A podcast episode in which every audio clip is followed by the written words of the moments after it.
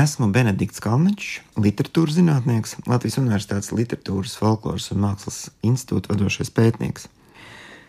Vai zini, ka Janis Rozentāls kļuva par Rudolfa Blaumaņa noveles tēla prototipu? 19. un 20. gadsimta mijā, aptuveni 15 gadu garumā, ciešas kolēģiālas saiknes tuvināja rakstnieku Rudolfu Blaumani ar gleznotāju Jani Rozentālu, kuram piemita Blaumaņa vērtējumā ļoti nozīmīgas īpašības kas mākslinieku atšķīra no daļas tā laika autoru. Uzskats, ka māksla nav iespējama bez rūpīga, neatlaidīga darba, un neatņemama radīšanas sastāvdaļa ir mākslinieka amata prasme un izcila tehnika.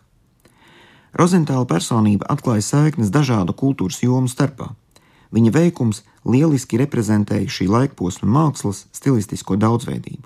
Jaņa Rozentāla profesionālajā pilnveidē izšķiroši bija studiju periods Pēterburgas Mākslas akadēmijā, no 1888.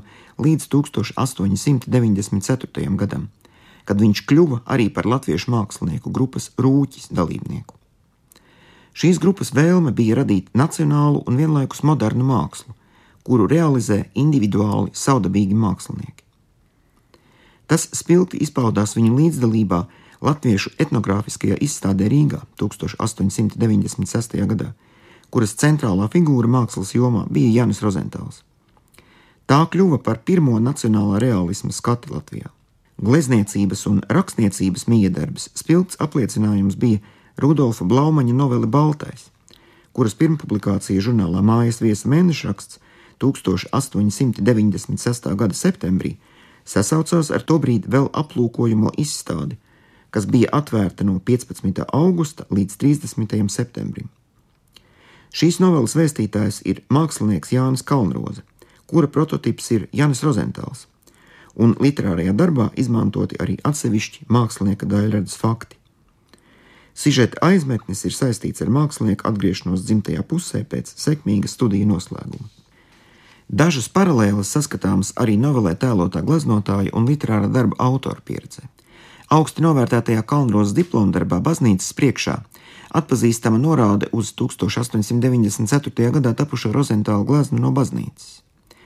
Taču jau novelas sākumā, tēlojot laimīgā gleznotāja atgriešanos mājās, viņa vecāku raksturojumā izcelta arī saikne ar Blaumaņa ģimeni.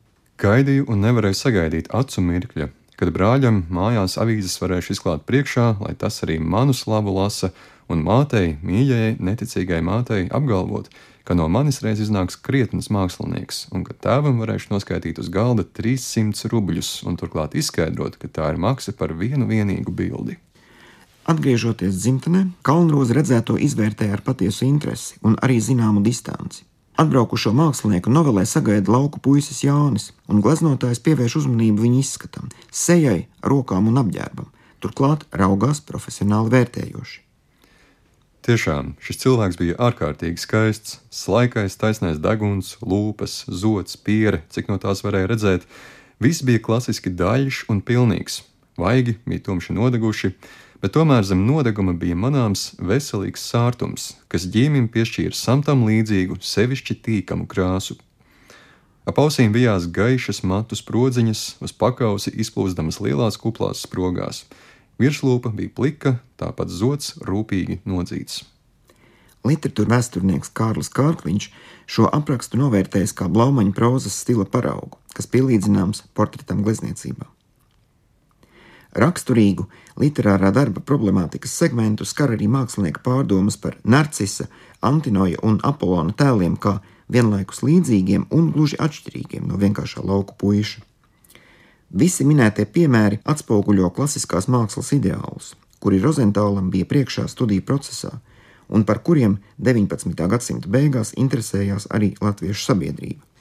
Viens no minētajiem tēliem, Belvederis Apolons, reproducēts mājas viesas mēnešrakstā 1896. gada jūlijā, divus mēnešus pirms Blaumaņa noveles Baltais publikācijas.